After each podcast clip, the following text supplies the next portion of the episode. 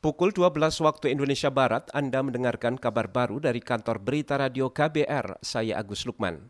Presiden Joko Widodo pagi ini melantik Kepala Kepolisian Nasional Republik Indonesia Kapolri yang baru, Listio Sigit Prabowo. Listio akan menggantikan Kapolri sebelumnya Idam Aziz yang akan memasuki masa pensiun.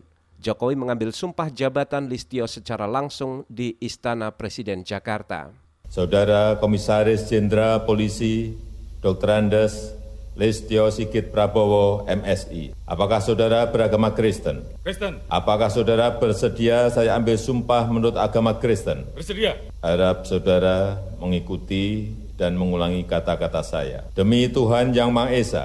Demi Tuhan Yang Maha Esa. Pengangkatan Kapolri Listio Sigit Prabowo dilakukan setelah melalui beberapa tahapan pemilihan. Sebelumnya, Listio yang menjabat sebagai Kepala Badan Reserse dan Kriminal Mabes Polri mengikuti uji kepatutan dan kelayakan di DPR dan mendapat persetujuan dari parlemen.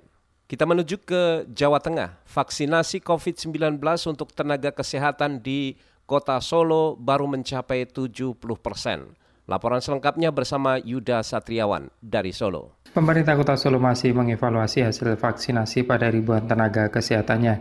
Kepala Dinas Kesehatan Pemkot Solo Siti Wahyuningsi mengatakan kejadian ikutan pasca imunisasi atau KIPI pada tenaga kesehatan di Solo masih dalam kondisi wajar dan ringan.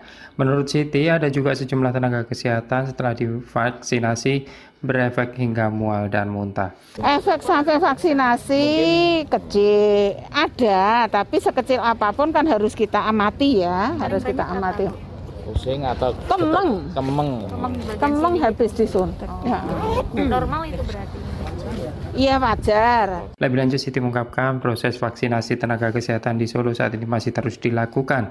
Prosentase di kisaran 70-an persen dari total 12.000 tenaga kesehatan dan tenaga pendukung di fasilitas kesehatan yang divaksinasi tahap pertama ini. Vaksinasi tenaga kesehatan dan tenaga pendukung Vaskes dilakukan di 33 fasilitas kesehatan yang meliputi 17 puskesmas, 14 rumah sakit, dan satu klinik Bayangkara milik Polri di Solo. Dari Solo, Jawa Tengah, Yuda Satirawan, KPR.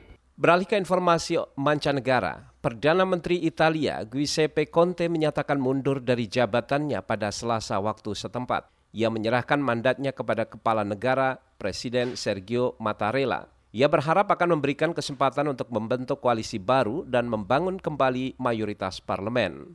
Conte kehilangan mayoritas mutlak dukungan di Senat Majelis Rendah karena salah satu partai pendukung mundur terkait dengan penanganan pemerintah terhadap krisis COVID-19.